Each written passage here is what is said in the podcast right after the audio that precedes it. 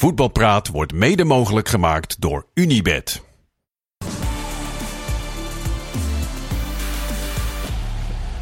Goedenavond, voetbalpraat na het weekend waarin eh, Engeland rouwt om Sir Bobby Charlton. Maurice Stijn had gewild dat hij op Ibiza was gebleven en Peter Bos de complimenten kreeg van zijn moeder. Genoeg om over na te praten dus, met uh, drie mannen die ook wel gewend zijn aan applaus op zijn tijd. Freek Jansen staat met zijn uh, Ajax-podcast voor volle theaterzalen. Mikkel Schauka was uh, genomineerd voor de Rotterdamse Persprijs en Kenneth Perez werd genomineerd voor helemaal niks. Werd in 2019, ik heb echt goed gezocht, Kenneth, bijna best geklede man van Nederland. na, bijna. Na Splinter Chabot. Nou ja, dat kan ja, als je van Splinter Chabot kan verliezen. Dan doe je dat, hè? Ja, zo is het. Kenneth, het is maandag, ja. dus jij uh, trapt af. Ja, gisteren uh, Utrecht-Ajax natuurlijk. En uh, die werd weer gestaakt twee keer. Die plastic bekertjes. En ik moet zeggen, in het begin, ik was echt voor. Want weet je nog, die doelmonden die lagen vol met bekers. En corners was 500 bekers en zo. Maar ik merk nu, en ik ben echt voor regels en handhaven en al die dingen. Alleen het begint me nu een beetje de, de strot uit te hangen. Dat wij nu voor zo'n klein dingetje wedstrijden gaan uh, staken. En we worden een beetje het lachertje van, de, van Europa. Want ik krijg natuurlijk ook deze journalisten die dan beeld. Hebben jullie weer vechtpartijen gehad en vuurwerk en weet ik allemaal. Nee, het was uh, in Beker die, uh, die het veld oprolde. Ja, die, die het veld net raakte of ja. misschien wel niet. Ja, ja. en ik, ik, ik vind dat... Ik heb begrepen dat uh, de, de werkgroep bij de KNVB... die zeggen nee, we willen dit blijven handhaven. Er moet een mentaliteitsverandering komen en ja, zo. Dat is kort, kort geleden besproken. Ja, en, en ze, ze, ze vergaderen, ze analyseren elke zoveel weken... zeg maar over wat kunnen wij verbeteren, wat kan beter, wat kan slechter. Of wat is slecht, wat is goed ik denk dat dit echt weer tegen licht aan, aangekeken moet worden van wat is nou hoofdzaken en wat is nou bijzaken.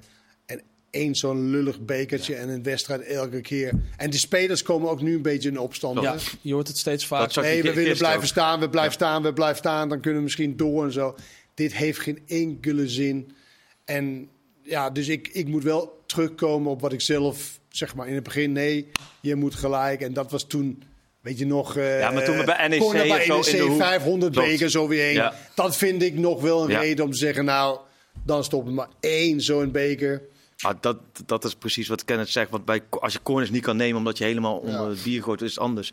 Maar zoals gisteren ook, en dat zie, dat zie je nu vaker. Dan lijkt wel alsof me, zo heb je grensrecht of wat het ook echt bijna met, met de vergrootglas gaat kijken. Ook daar ligt een plastic ja. bekertje, hup naar binnen. Maar die tweede keer wilde Hiegler, want ik was in het stadion, dan zag je het wel goed. Hiegler wilde eigenlijk de tweede keer ook de boel naar binnen hebben. Ja, ja. Maar die spelers... Die... Hij is ook nogal theatraal, hè? Ja, maar de spelers zeiden echt, uh, wij blijven gewoon hier. En, en, en de trainers wilden ook blijven. Toen ging gewoon Jans ging naar, uh, lopen wandelen met de bekers. die gooide de bekers maar, maar ook die spelers van we blijven gewoon op het veld. En toen is daarna is volgens mij contact weer, nou oké, okay, dan blijven we op het veld. Want volgens het protocol had je hem gisteren... Ja, de tweede keer tweede moet je één keer ja, die staken. Het gaat, en als niemand... dat weer gebeurd ja. was, ja, dat, dat, het is... Maar het lastige nu is dan natuurlijk weer dat deze wedstrijd niet is gestaakt. Nee. Twee keer, en dan maar, in het vervolg... Maar je kunt toch zeggen, als de, als de spelers er last van hebben... Ja. Dat kan toch ook een voorwaarde zijn. Want gisteren hadden bij beide momenten hadden spelers er geen last van. Ja. Nee, kijk, dat, dat, een juichende speler. En je staat met z'n allen zoals Utrecht gisteren na die, die 4-3. En je staat in een hoek en je, bent, je, je rolt over elkaar.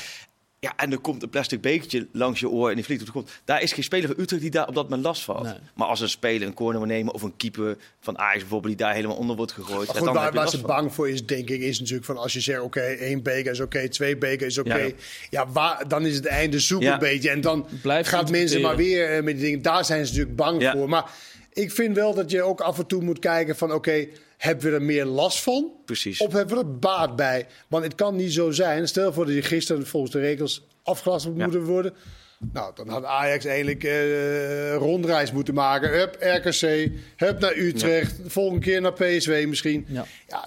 je hebt er meer last van bijna dan, dan baat op dit moment. Uh, vind ik. Dus Oproep ik... van uh, Kenneth Perez, kijk naar die regels. Nou ja, ook omdat ja. ik zelf voorstander was voor. Ja, en je bent er teruggekomen. Maar je zou toch gewoon de scheidsrechter zelf kunnen laten beoordelen? Ja, dat willen ze absoluut niet.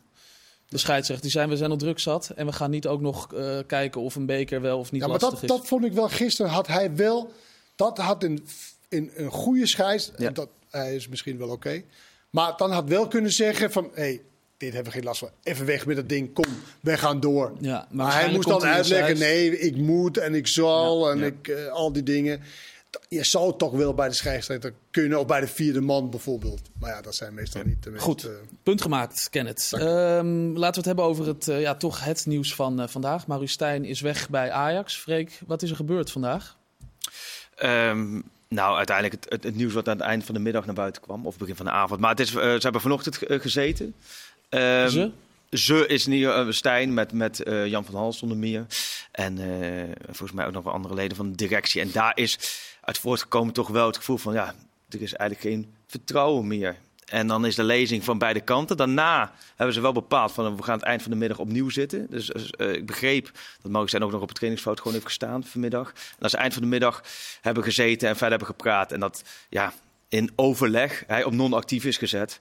Um, nou, en dan, dan komt het nu aan op de afwikkeling van het contract. Um, dat ze dus um, per direct afscheid nemen van, uh, van Stijn. En dat zat er natuurlijk, hè, daar gaan we zo over hebben, natuurlijk al heel lang aan te komen. Mm -hmm. in hoever is de adviseur Louis van Gaal hierbij betrokken? Ja, die is absoluut hierbij betrokken geweest. Ja. Okay, dus hij is, dat vind ik altijd zo lastig, want hij is extern adviseur. Dus je weet niet, staat hij hier, is dit vanuit hem ja. of is het niet vanuit hem? Ja, nee, maar als je de organisatie van Ajax uh, bekijkt, de voetbalorganisatie, dan zitten daar heel weinig mensen meer. En dus alles was eigenlijk in handen van Van Gaal. Er is niemand binnen die organisatie verder die de keuze over Stijn zou maken. Um, als Van Gaal het daar niet mee eens zou zijn. Nee, nee, nee. nee, nee, nee. Dus, dus van, en vanochtend maar meer die gesprekken wat Maurice Stijn heeft gevoerd, ja. was toch blijkbaar vanuit Stijn. Zegt hij nou, volop vertrouwen, respect en al die dingen. Ja. Dat is dus in 24 uur veranderd. Ja, nou, gister... in Nederland. Ja, gisteren heeft dat dus... Of na in Nederland. niet één, maar ja. ja. nog, Nee, uiteindelijk heeft het gewoon wel veel impact gehad. Ook gisteren. Dat je, want anders zou je zeggen, van, joh, had het dan uh, aan het begin van die inlandperiode gedaan. Ja. Dan had je misschien nog even wat meer tijd gehad. Maar ja, uiteindelijk is het met alles wat er gebeurd is. En, en is het volgens mij ook voor niemand een verrassing. Heeft die vakantie van Maristijn, waar hij ook al voor de wedstrijd het, het, het over had, daar ook nog in meegespeeld dat ze bij Ajax ook zoiets hadden van ja, op deze manier? Ja, dat, dat weet ik niet, maar dat kan ik me bijna niet voorstellen. In die zin, van alle redenen die, die er zijn, vind ik dat misschien wel de, nog de minst boeiende. Mm um, want er zijn volgens mij heel veel andere redenen waardoor je wel of niet besluit om met een trainer door te gaan. maar dan, of iemand dan, laten we zeggen, tijdens een Maar het is ook zo'n signaal vanuit een trainer. Nee, voor de, voor de beeldvorming is dat natuurlijk uh, totaal niet slim geweest. Maar ook voor de beeldvorming richting je directie, toch? Ja, nee, dat klopt. Dat, dat is zo. Maar ik kan me niet voorstellen dat dat... Uh, dat, dat uh, van doorslaggevende factor is. Nee, Stijn tekende voor drie jaar. Hij hield het 114 dagen vol. Wat zijn de belangrijkste redenen van dat korte verblijf? Dus niet die korte vakantie naar Ibiza vorige week? Nou ja, de belangrijkste reden eh, dat is het gewoon dat het uh, sportief gewoon uh, ontzettend slecht gaat met de club. En dat er totaal geen verbeteringen zichtbaar zijn. Uh, dat er van patronen automatisme niet zichtbaar is. Dat je ook niet het gevoel hebt dat er in de organisatie op het veld een uh, groei in, in de ploeg uh, aanwezig is. Uh, nou, nog los van alles wat er zich heeft afgespeeld, natuurlijk de, rondom Mislitat en Stijn en, en al dat soort fetes die de, die de gaande waren. Maar ja, uiteindelijk sta je 17, heb je acht keer op rij als Ajax zijn niet gewonnen. Ja, dat zijn statistieken waarmee ik denk eigenlijk geen enkele trainer van Ajax zou overleven. En dat weet Stijn zelf ook donders goed. En die weet ook dat hij verantwoordelijk is, niet voor die selectie. Nou, dat is inmiddels duidelijk en volgens mij al uitvoerig besproken. Maar wel voor uh, de groei van het elftal. En die groei is de afgelopen eh, periode gewoon niet geweest. Andries Jonker, uh, van Gaal adept zou je kunnen zeggen, had gisteren een, een, uitgebreid verhaal op Radio 1. En die had het ook over die groei van het elftal, het gebrek daaraan. En hij zei dat hij had uitgerekend dat uh, sinds de 53 dagen, sinds 1 september, Marie Stijn eigenlijk maar 12 echte trainingsdagen had gehad. Dus dat je Oh zo. Wat dat betreft. Jawel, dat, dat klopt. Kan nou ja, nee, verwijten op dat gebied. Dat is wiskundig helemaal juist. Sorry, Alleen, wat zeg 12 van de 53? Van de 53 dagen die er voorbij 12 zijn. 12 trainingsdagen, omdat je dan... 41 dagen dus niet, zeg je dat? Ja, in verband met interlandperiodes, wedstrijden, reisdagen. Ja, maar dat, tegelijkertijd weet je dat dat nou eenmaal het geval is bij Ajax of bij een topclub. Dus meer dan trainen toch, ook tegenwoordig? Met die zal, hij meer, zal hij meer dagen hebben. Dus er zijn, nee, maar er zijn uh, alom omstandigheden aan te voeren um, waarom het voor, voor Stijn een ontzettend lastige klus was. Ik moet zeggen, ook train je geen één dag, dan sta je niet 17e met dit materiaal. Nee, nee. nee. Ja. Um, de grote vraag is, was eigenlijk, wie je moet gaan opvolgen. Hoe nu verder? Ja. Ja, nee, dat wordt, dat wordt heel interessant. Nou, de John van Schip, uh, die berichten zijpelen door. Um, die was natuurlijk al als cultuurbewaker uh, gestrikt. En, um, was, nu... was wel een beetje raar, want hij had eigenlijk al gezegd... ik sta het liefst op het veld. Ja, daarom. Dus dat, nou, daar ging ze dus ook. Nou, ja. nou ja, uiteindelijk is het ingehaald door de actualiteit. Is en dat is zo? Of, of, of, was het al... Ja, nee, daar kun je, daar kun je van alle, allerlei complotten achter gaan, gaan zoeken. Maar het lijkt me zo, als je het vindt dat John van Schip uh, je hoofdtrainer moet zijn... dan had je op dat moment ook al afscheid moeten nemen van Stijn. Um, en niet moeten wachten, wachten, wachten en dan nu alsnog doen. Maar ze, de, de, de berichtgeving is wel duidelijk ook. Hebben de collega's bij ons het uh, vernomen. Dat, hij, uh, ja, dat ze vanuit Ajax liefst hebben. Dat hij vanaf 1 november, dus na deze week met Brighton en PSV, wat Maduro mag doen. Maar Maduro heeft natuurlijk de papieren niet. Dus dat, volgens mij mag je dan maximaal een maand Klopt. mag je dan uh, interim zijn. Maar dat, dat de wens is dat, dat na die tweede wel dat dan van de schip een stokje overneemt. Maar hoe ver en concreet dat is afwachten. Sorry, waarom niet meteen? Gaan ze uit van twee, uh, dat de start te zwaar is? Nou, ik denk ook dat ik hij denk nog ook met aan de, het rouwen is. Ook. Ja, ik denk ook met de privéomstandigheden van, van het schip te maken. Ja, zijn vrouw is ja. kort geleden overleden uiteraard. Ja. En um, um, Ajax wil dus graag dat hij vanaf 1 november de groep gaat overnemen, John van het Schip. Weet jij hoe hij er zelf in staat?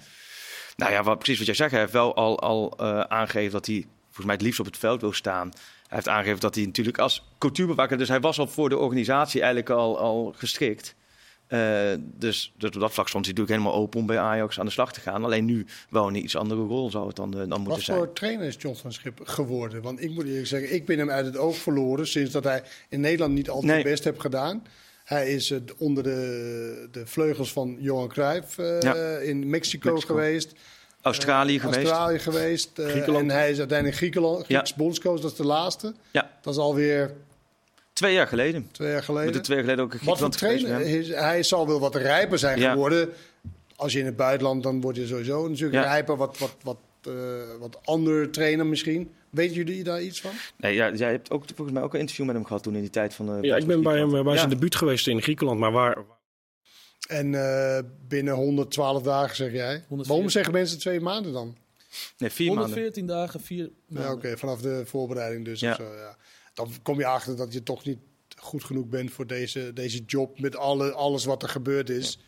Uh, ja, dat is natuurlijk niet prettig voor een persoon, omdat zeg maar, uh, ja, dat dat gebeurt op zo'n korte termijn en ook nog in de boek ingaan als slechtste, denk ik, met allerlei statistieken ja. en dat soort dingen. Dat is natuurlijk op persoonlijk vlak niet, uh, niet heel prettig. Nee. nee. Nee, dat, is zeker, dat is zeker niet prettig. Um, toch hoor ik jou zeggen, het heeft, me eigenlijk, het heeft nog lang geduurd. Te lang misschien? Oh, dat, dat weet ik niet. Ik denk, ik denk dat je... Ik denk dat Ajax echt had gehoopt dat gisteren... dat in ieder geval daar een overwinning ja. pakt. Weet je, dat je die, die drie punten plus die zes punten die je nog zeg maar, kan halen in die twee wedstrijden wat ze, wat ze in de handen hebben. Nou ja, weet je, dan, dan, dan nog is het niet goed genoeg. Maar dan sta je in ieder geval niet 17e, zeg maar. En, en, en uh, ja, dat had ze gehoopt met hem. En nu achteraf had je misschien kunnen zeggen... Nou, je had het in het begin van de interlandperiode. Uh, dan meer tijd, ja. Met een, met, met een nieuwe trainer. Maar dan had je nog geen spelers nee. voor je beschikking. Nee. Maar dan, weet je, stel voor dat dan wint, dan begint een trainer dan weer lekker. Zeg maar. Maar, maar weet je, het goede moment is bijna niet te bepalen. Scheuder liet ze, liet ze lang zitten waren andere mensen die daar nu uh, aan de leiding staan. Die liet ze iets te lang zitten en dan, boom, toch ontslagen net na de winterstop. Het is bijna nooit zo, tenminste ik heb het zelden gezien, nou, misschien Arteta bij Arsenal, dat iemand die eindelijk bijna ontslagen is, dat dat op wonderbaarlijk ja. ommekeer in, uh, in Nederland in ieder geval. Ja, ja, van Bronkhorst. Van woord, die hebben zeven wedstrijden had hij niet gewonnen. Ja, kwam dik advocaat dik uh, ja. helpen. Nee, dit, dit, zijn echt de, de uitzonderingen. Ja. Want je hebt inderdaad, inderdaad Van Gaal, maar dat is alweer zo uh, tijd terug. Maar het is wel, het probleem zit natuurlijk wel veel dieper dan nu even een poppetje wisselen. Want als je in tien maanden tijd drie trainers ontslaat, met Scheuden, met Heitinga, met Stijn. En als jij uh, eigenlijk in anderhalf jaar tijd eigenlijk drie technisch directeuren, nou dan waren, ja, ja. waren hij Amsterdam Huntelaar technisch managers en nu de missie dat alle drie weer hebt zien passeren. Dan het wordt nu wel tijd dat er goed beleid gevoerd gaat worden. Want ja. anders blijf je continu mensen wisselen. Nou ja, daar was... Het is twee jaar geleden dat het, dat, dat het, dat een goed beleid tot dan... Zeg maar, wel zeer risico, ja. risicovolle beleid. Maar je ziet nu, wanneer je geen Champions League haalt... wat dat betekent voor je, voor je portemonnee. Zo, ja. Ja. En dat was natuurlijk zeer aanvallend begroot en zeer aanvallend ingekocht en salarissen om die Champions League. Nou, dat heeft zich uitbetaald voor, voor Van der Sa en voor Overmars en Ten Hag. Ja, en, en, nu zie je dan, als je dan een paar transferperiodes totaal miszitten ja, dan, dan is je hele. Alles is, is soort van weg. En moet je helemaal opnieuw beginnen. En dit gaat natuurlijk wel een paar transferperiodes duren. Want alle spelers wat je nu hebt, is veel minder waard. Maar je speelt niet in echt een rol van betekenis. Europees mhm. eh, gezien en in de competitie. Dus je spelers zijn veel en veel minder waard. En je salarissen gaan wel door. Ik hoorde jou gisteren zeggen: Ajax is Ajax niet meer. We moeten ze ook niet benaderen zoals Ajax. Ik hoor Rafa van der Vaart al een paar dagen zeggen: Ajax is niet beter dan eh, Excelsior en, en Volendam. Dat, dat, is wel wat overdreven, toch? Dat is overdreven, ja. Okay. Ja, even voor de zekerheid. Qua punten niet? Nee, qua punten niet. Nee, maar, als, je als je 14 A-internationals hebt, ja. dan heb je natuurlijk een betere selectie. Alleen het wordt niet goed in elkaar gezet en het zit niet goed in elkaar. Ajax is wat mij betreft echt in chaos. Is echt ongekend hoe dat, dit heeft kunnen gebeuren. En dat je niet hebt geleerd van de recente verleden, wat je deed bij de vorige transferperiode. Ja, vorig jaar. Tuurlijk. Dat is echt, dit is zo bijzonder. Wat, Het is textbook material. Dit is echt voor, ja. uh, daar hoef je niet naar Nijrode of waar gaat, die, waar gaat Snijder ook? Ja, Nijrode. Ja. kan je gewoon hier in de Business University. Ja, hier kan je wat, uh, wat van lezen. Ja, uh, Freek, je had het er al over dat het, het helemaal niet goed zit. Geen goed beleid. Heb je aanwijzingen dat er goed beleid aan gaat komen. Nou, met ja, nieuwe namen, want die zijn er wel. Hè? Daarom, de boel gaat nu wel uh, worden neergezet. Kijk, dat heeft natuurlijk een tijd geduurd. En toen hebben ze uiteindelijk gekozen hè, van Hals en RVC, uh, eh, Misitat, technisch directeur, Stijn hoofdtrainer. Dat moest een voetbalas worden. Nou, die voetbalas die is nu helemaal verdwenen. Ja, van Hals zit er nog, die is binnenkort weg. Nou ja, en Van Gaal is natuurlijk nu als adviseur wel uh, druk bezig om, om, om de boel in te richten. Daarom komt ook Marijn Beuker natuurlijk. Uh, die is in beeld en die gaat. Uh, de bedoeling is. Ik las dat hij vandaag persoonlijk rond was met Ajax. Ja, daar, daar kwam de Telegraaf volgens mij mee. Ja. Dus, maar volgens mij is de bedoeling dat hij dan, dan ook bij 1 januari zou starten. Nou, zijn we Alex Kroes bezig om die eerder te laten starten. En daarmee proberen ze Danny Blind af van vanochtend persbericht dat hij terugkomt in de RVC. Dus daarmee worden de posities worden dan wel weer bekleed. Maar Alleen, maar dan, nog... dan, is het gevolg dat dan moeten die mensen er wel voor gaan zorgen dat er nu wel een duidelijk goed beleid gaat voeren. Nee, maar daar heb ik ook wel vertrouwen in. Ik ook. Alleen je zit met een selectie die ingekocht is met lange contracten. Ja. Die kan je niet zomaar even nee. wegdoen zonder gigantisch verlies. Maar wat eh, maakt een lange contract uit? Dat, dan kan je ze toch juist nog verkopen, eventueel? Ja, nee, ik, beter dan dat ze aflopen volgend jaar. Dan, dan lopen ze gratis de deur uit. Nou, dat zal fantastisch zijn, maar dan ben je van, van de nee, Wouter, af. Ja, nee, Wouter bedoelt... Nee, maar je hebt nee, maar hij bedoelt jij... zoals Darami bedoel jij. Dat je eigenlijk hem niet gebruikt, maar hem toch met winst ja, verkoopt. Ja, oké, maar dat, dat gaat natuurlijk niet never nooit nee, gebeuren. Nee, Ajax staat natuurlijk helemaal niet... Waar, wat, nee, dat wat snap Ajax ik. Champions League. Dus je speler, bijvoorbeeld, hebben ze, als je een speler hebt gekocht voor 10 miljoen... en je kan hem voor 2 miljoen verkopen... dat is toch wel 8 miljoen verlies. Ja. Maar, en, en die speler zegt ook van ja ik ga natuurlijk never nooit weg, want deze salaris, die ga ik never nooit ergens anders krijgen. Dus dan moet je waarschijnlijk ook die jongen wat meegeven. Nou ja, eh, dat is toch in, in het proces van heel lang. En die mensen die nu, tenminste Van Gaal, daar heb ik, ik ken die andere mensen niet, maar Van Gaal, daar heb ik wel ja, het vertrouwen in, dat, dat door hem, dat dit proces iets sneller kan gaan dan bij een andere, zeg maar. Maar het gaat wel lang duren, daar ben ik wel van overtuigd. Ja, Van Gaal die komt er dus aan, Danny Blind in de, in de RVC. Kroes eerder beginnen algemeen directeur, dan Marijn Beuker. Dat hij dan het technisch gedeelte, daar wilden ze volgens mij dan nog iemand naast hebben. Nou, dat Huntelaar zal het inderdaad voorlopig niet zijn. Verhaal, ja, die is eruit met de beurt. Heel sneu. Echt ja. ja. jammer. Ja. Die, uh, komt ja. het door Ajax of, of uh, door zijn werkzaamheden bij Ajax? Ja. Of, dat wel. Dus dat heb ik wel begrepen. Dat dat, dat voor hem gewoon wel. Uh, dat hem geadviseerd is om echt volledige rust te nemen. Ja. Omdat het hem te veel werd? Of hoe, ja, ik weet niet precies hoe zo'n ja. Nee, ja, uiteindelijk volgens mij. Uh, uh, ja, nee, dat, dat is het geval. Dat met, het, werd, het werd hem gewoon te veel. En, en dat is volgens mij. Wanneer was het begin vorige week geconstateerd? Maar dan kom je misschien ook wel achter dat het niks voor jou is. Ja, maar, het is bij hem ook natuurlijk ook bizar hoe dat gegaan is. is hij, op hem afgekomen. Hij ging met. Wat is er op hem afgekomen? hij zou toch als een soort stagiair meelopen en werd opeens eindverantwoordelijk ja, als technisch directeur. Hij heeft toch niet echt eindverantwoordelijk. Nee, nou, maar hij heeft natuurlijk wel, hij heeft natuurlijk wel een jaar lang dat hij met met Hamstra samen en dan van de Sar boven wel 24-7 mee bezig was met het technische gedeelte. En eigenlijk sinds laten we zeggen, missie dat kwam, is hij zich meer op jong Ajax gaan richten. Ook verder niet meer, niet meer betrokken bij het eerste elftal. Dus hij richtte zich op jong Ajax. En sinds missie dat, dat weg is, werd hij weer meer eigenlijk daar neergezet. Maar hij voelde gewoon ja, zich, dat, nee, dat, is, Ik weet dus ook niet precies hoe het werkt met een burn-out. Maar, maar meer van, ja, als je, als je dat krijgt van deze, dit werk... Ja. dan is misschien in ieder geval zo... nou, dit is hem niet voor mij. Want het is een zeer stressvolle baan... en je bent super afhankelijk van of je team wint of verliest, uh, zeg maar, zonder dat je er echt uh, iets kan doen op zondag. Ik hoor nu weer een tune en nu betekent het wel dat we richting uh, de reclame gaan. Straks dan zijn we terug. Dan gaan we het uiteraard nog hebben over PSV. Dat morgen aan de bak moet tegen Lens om te overwinteren in de Champions League. En we gaan het ook hebben over Feyenoord. Is hij fit? Is Santiago Jiménez fit? We horen het straks heel graag. Tot zo. Topfit. Zat u nog in? Ja.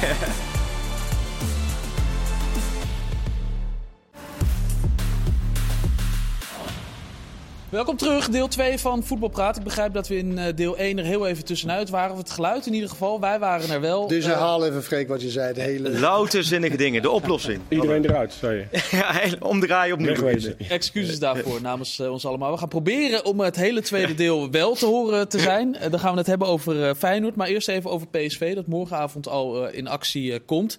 Gisteren um, zaterdag won van Fortuna Sittard in eigen huis. Lans ja. staan laatste. Nee, nee. Niet Lyon, laatste. Lyon zat laatste. Lans okay, 16e volgens mij, 16 Ja. We wonnen wel van Arsenal. Hè? Okay. In eigen huis, waar PSV nu en weer... Ik las dat Peter Bos zei, nee, het is een totaal andere situatie dan die van Ajax. Die zijn echt heel goed. Ja, worden opgezweept door het Dat is zo lekker, die trainers die dan... ja. ja, maar ja... In die gek nog even... Deze zijn echt heel goed. Geef hem eens ongelijk, ja. Wat ik je wilde vragen, Ken, het is Fortuna nou de perfecte generale? Voor zo'n Champions League wedstrijd? Nee, ik vond ook een zeer goede vraag van Hans over de intensiteit. Of hij dat miste, zeg maar, ten opzichte van die andere tegenstanders in de Champions League. En kijk, je kan er niks aan doen in welke competitie je speelt. Je krijgt natuurlijk gewoon de tegenstander die, die in de competitie speelt.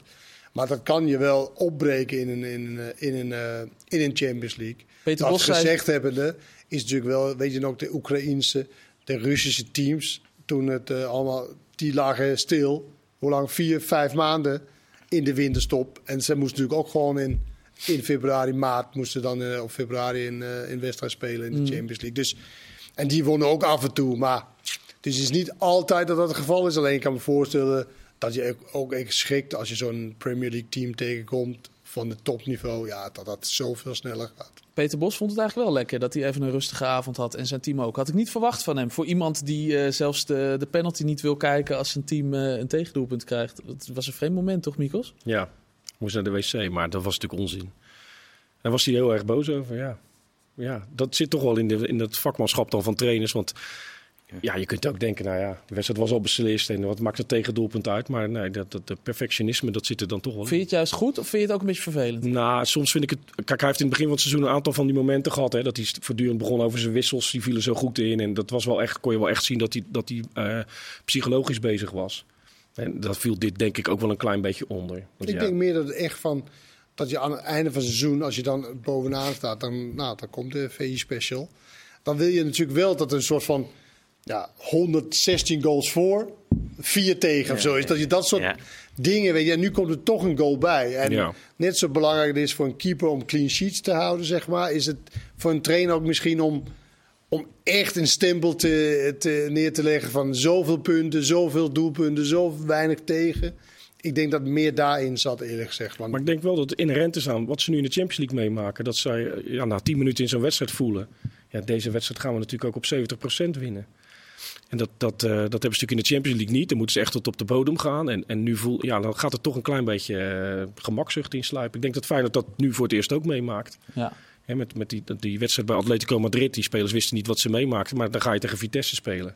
Ja, dan ben je nu in 20 minuten klaar. en dan weet je ook, die wedstrijd verliezen we nooit meer. Nee, nee. De, grote vraag eh, na afloop van de wedstrijd tegen Fortuna Sittard bij PSV... was wie er gaat spelen op de nummer 10 positie. Um, Hans Kraai dacht de boscode te hebben gekraakt en uh, dat Til daar zou gaan, uh, gaan spelen. Die, die, hij overtuigde Til daarmee, toch? Ja, ik, weet, ik weet het niet helemaal. want Til was behoorlijk verbaasd, wat ik ook wel snap, want hij heeft nog geen minuten gemaakt in de Champions League dit seizoen. Wie zou jij daar uh, neerzetten, Freek? Ja, welke opties heb jij? Saibari, Til, Babadi en Tilman zijn wel de... Je volgt ja, misschien toch Til. Nee, misschien toch... Zou, ja, ik zou misschien toch vasthouden aan Til. ja. ja. Dat zou ik dan...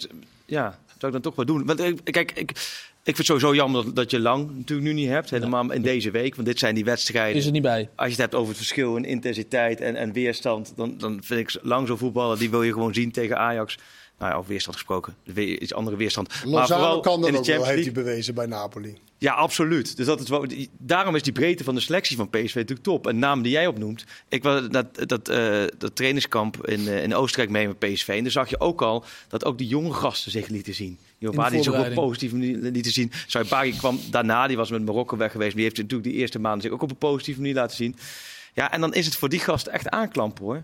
En dat, is, dat geldt nu ook voor Til. Dus ik ben dit is toch iets dat, dat, dat Til bij PSV vaak over goede statistieken kan weerleggen, maar niet uh, een onvoorwaardelijk baanspeler is. En jij hebt het bij Feyenoord meegemaakt. Dan was hij daar wel. Ja, het hadden ze wel een, een, wat smallere selectie. Maar ja, je weet natuurlijk wat je krijgt bij hem. Het, is, het afjagen is perfect natuurlijk. Hij maakt zijn doelpunten. Het is geen gepolijste speler. Dus, dus ja, als hij in Frankrijk gaat spelen en je denkt dat het tempo hoog ligt, je moet wat achteruit. Dan kun je hem natuurlijk goed gebruiken. Weet je dat je het spel maakt, ja, dan heb je misschien iets meer aan een creatieve jongen uh, op 10. Ik hoorde vandaag wel dat dat een onwijze counterploeg is. Hè? Ja. Lans, dat Lans echt vol inzakt en volle bakken we tegen aan spelen. En dat, dat wordt heel interessant morgenavond om te zien. Want dat is eigenlijk precies waar PSV het lastig mee zou nou, kunnen precies, want die gaan natuurlijk met veel ruimte in de rug weer voetballen. En als je dan even eh, die snelle Frans tegenover je hebt, dat wordt echt wel, wel weer zo'n test. En als we tegen Arsenal is volgens mij 30% balbezit ja. gewonnen. Dus ze hebben gewoon maling aan die bal. Maar in de, in de omschakeling zijn ze gewoon dodelijk. Kenneth, wie zou jij op 10 zetten? Hangt vanaf hoe Lans speelt. En ik heb niet heel goed op de netvlies hoe Lans speelt. Ik heb net gehoord. Alleen op de counter. Daar is hij niet zich terug. Ja, ik hoorde net. Maar... Analyse VI Pro. Ja. Die heb ik niet. Nee, um, nee maar hoe heet het? Uh, nou ja, dan moet je kiezen van wil je dan een bal vaste spelen? Nou, dat is uh, Til niet. Maar je kan ook zeggen, je slaat hem over dat op dit moment is dat het geval. Hij is eigenlijk alleen maar onderweg en dat doet hij fantastisch. Zodra hij deel moet nemen aan het spel, is niet zijn sterkste kant. Tenzij hij binnen moet schieten. Sorry? Tenzij hij hem binnen moet schieten. Wat dan? Dat is wel zijn sterke kant. Ja, maar dan komt hij daarin lopend. Ja. Maar dan is hij niet mee in het, in het positiespel, zeg mm. maar. Wat heel vaak uh, fout ging bij hem uh, vorig jaar, waar hij heel veel betrokken werd. Maar uh, ik, ik, denk dat hij of. of maar ja, je kan ook Tilman Tilman is wat balvaster. Ja. Dus als je in de kleine ruimte komt het ding te komen spelen, nou, dan zou je daar ook voor kunnen kiezen. Veroorzaakte wel die penalty bij uh, tegen. Ja, dat was echt zo'n aanvaller. Uh, ja, dus ja, ja. niet is tegen Nederland zelf, dat was ook echt zo'n aanval in de 16. Ja. Je denkt van, nou. Hm. Ik zag wel de reactie van Bos en dacht toen wel, oei, dat zou wel een, eh, een minnetje achter zijn naam kunnen zijn. Dat kan je niet gebeuren in de Champions League tegen Lans. Maar goed. Ja, dat wordt dus nog de grote vraag. Wie gaat er op 10 uh, spelen? Noah Lang is er niet bij. Bella Kotschap is er ook niet bij.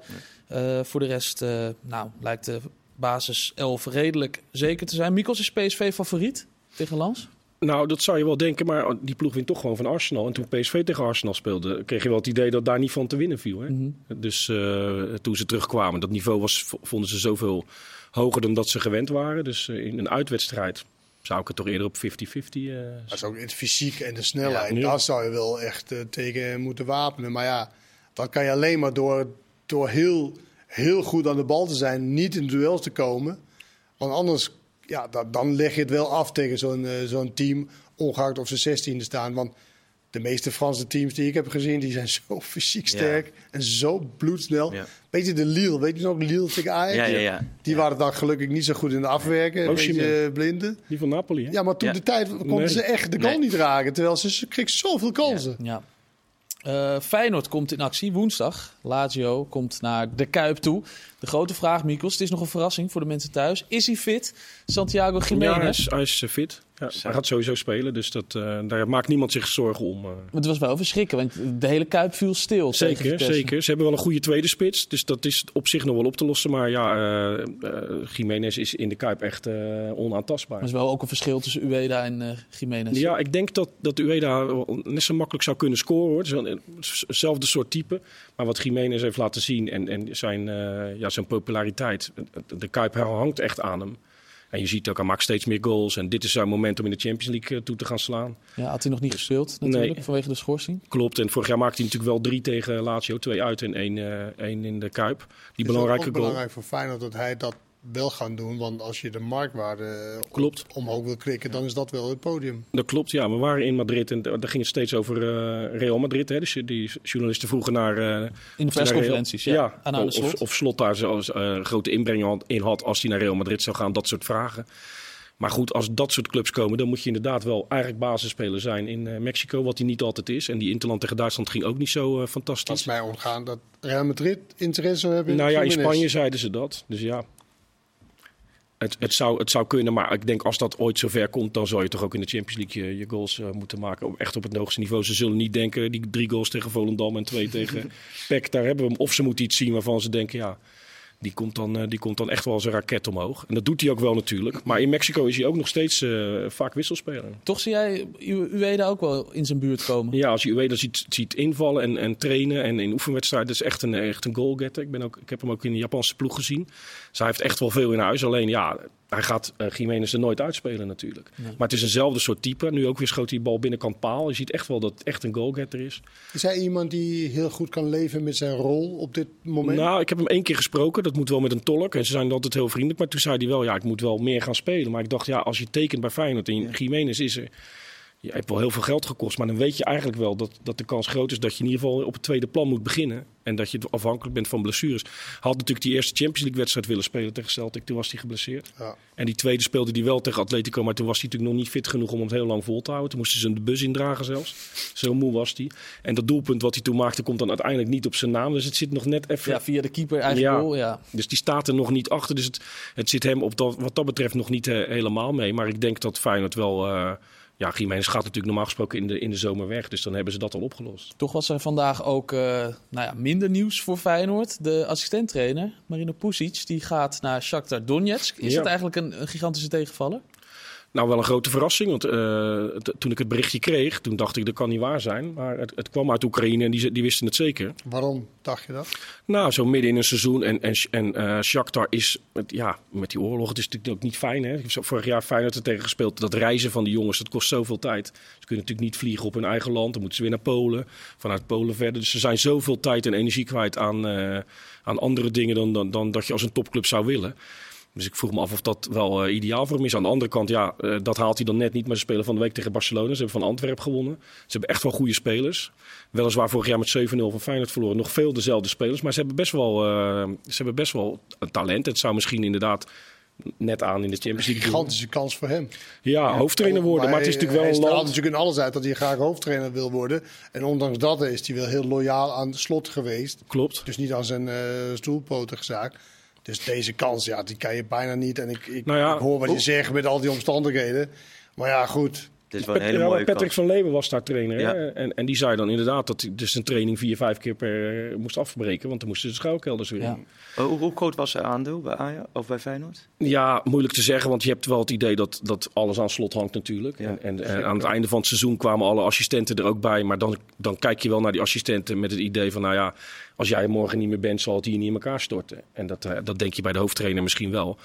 Maar uh, Slot was wel erg te spreken over hem. Hij had natuurlijk bij Feyenoord getekend, nam meteen uh, push iets mee. En, en hij heeft wel iets wat Slot wat minder heeft, denk ik. Ja, hij beweegt zich tussen die spelers. Niet dat Slot als een, als een Rinus Michels erboven staat. Maar het is wel iemand die een beetje dat Guus Hiddink gehalte ook heeft. Hè. En af en toe een handje hier. En een, Arm om de schouder. Ja, dat soort dingen. Dus, dus dat voelt hij wel goed aan. Dus, dus ze waren heel tevreden over hem. Maar ik denk dat, ze, wat Kenneth zegt, dat ze hem die kans niet willen uh, ontnemen. Nou, in eerste instantie waren ze niet zo blij met die kans. En, en hadden ze ook zoiets van, doe maar niet. Maar je wil natuurlijk zo intact mogelijk ja. En aan de slot, ik interviewde hem vorig jaar.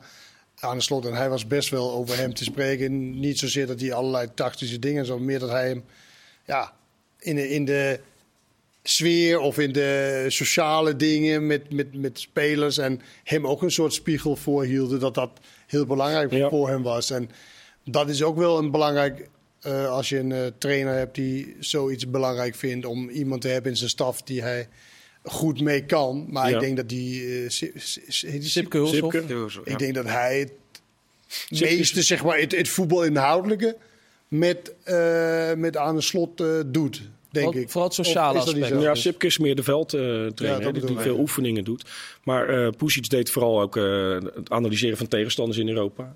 Dus wat dat betreft zou hij in principe snel op de bank kunnen zitten bij Shakhtar. Ze hebben er twee keer tegen gespeeld en hij heeft ze ook in die aanloop al die wedstrijden bekeken. Dus hij weet exact hoe, oh. deze, hoe deze ploeg speelt. En, en uh, de technisch directeur van Shakhtar is Serna, die oude international. Ja, die nu de dus interim trainer is. Ja, die heeft één wedstrijd gedaan en Van Leeuwen eruit gegooid en toen zelf op die bank gaan zitten. Maar ja, een Kroaat, dus dan komt het wel een beetje bij elkaar. Maar hij heeft het denk ik wel te danken aan die, die twee wedstrijden vorig seizoen. Dat hebben ze natuurlijk een diepe indruk gemaakt. En dan ga je toch kijken, ja, misschien uh, moeten we een assistent van zo'n elftal halen. Ze voetballen makkelijk. Gaan ze nu ver, vervangen halen? Of gaan ze, nou, dat heb ik gevraagd en daar gingen ze eens heel goed over nadenken, zeiden ze. Maar ik, ik denk wel dat uh, in deze tijd heb je heel veel assistenten dat, dat ze dat graag zouden willen. Maar je moet natuurlijk ook uitkijken dat je er niet iemand uh, bij haalt die, die ook meteen allerlei andere denkbeelden heeft, waardoor het allemaal ja. weer scheef gaat, gaat lopen. Feyenoord krijgt een flinke vergoeding. Ja. Vind ik altijd, ja, wat moet ik me daarbij voorstellen bij een assistent trainer? Vind ik ook moeilijk, want een, een flinke vergoeding voor een trainer en zeker een assistent trainer is al een paar ton.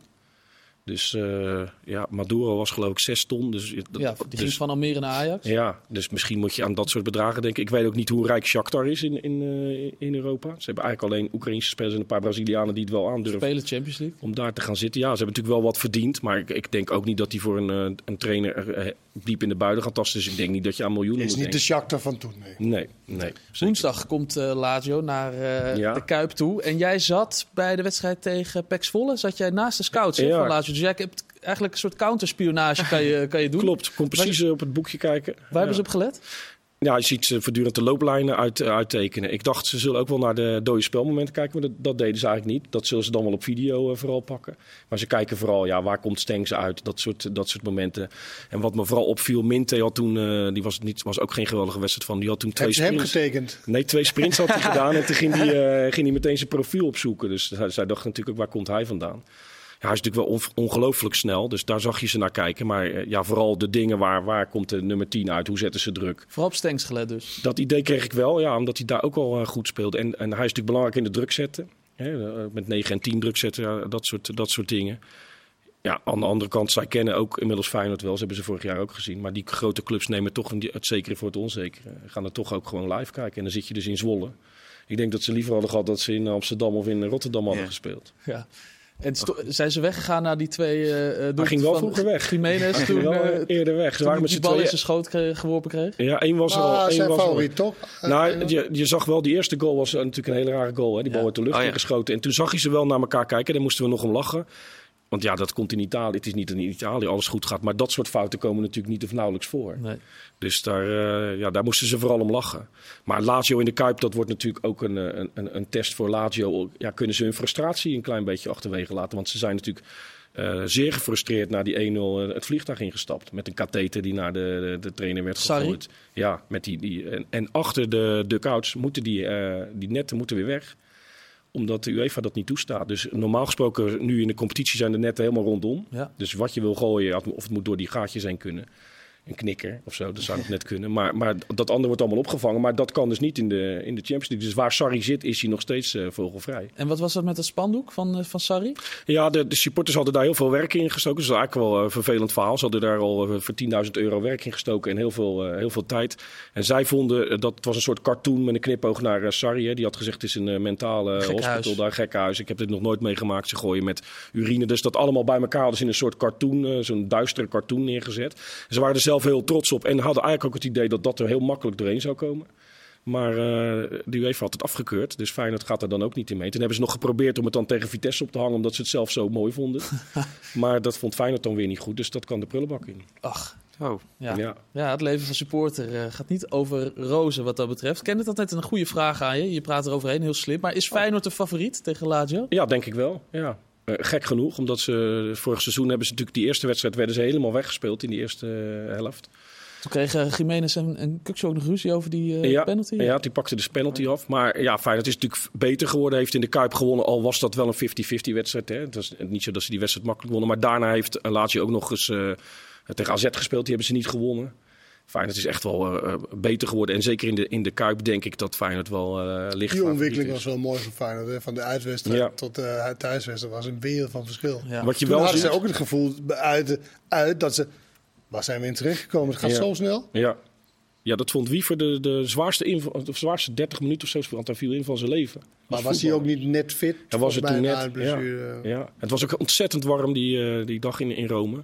Dus dat speelde ah, misschien ook. Dan weten we het al. Maar nu. maar het die ontwikkeling van.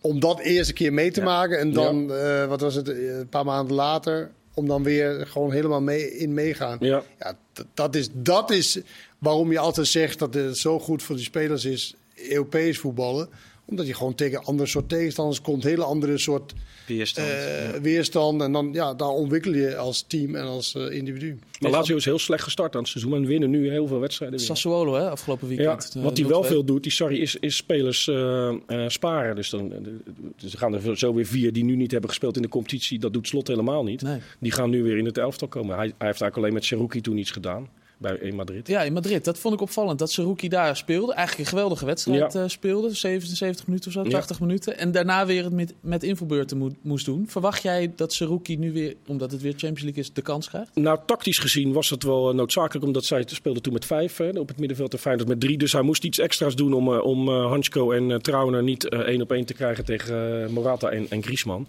Dat wilde hij per se niet. Maar Lazio speelt zo niet. Lazio speelt gewoon 4-3-3. Dus dan is het tactisch niet noodzakelijk. Maar het zou wel kunnen dat hij denkt: ja, ik heb iets meer uh, body nodig, iets meer uh, voetbal van achteruit van op het middenveld. Dan zou het kunnen. Maar slot kennende uh, ja, past hij niet zoveel veranderingen toe. Daar in Madrid was is gekocht voor de zware wedstrijden.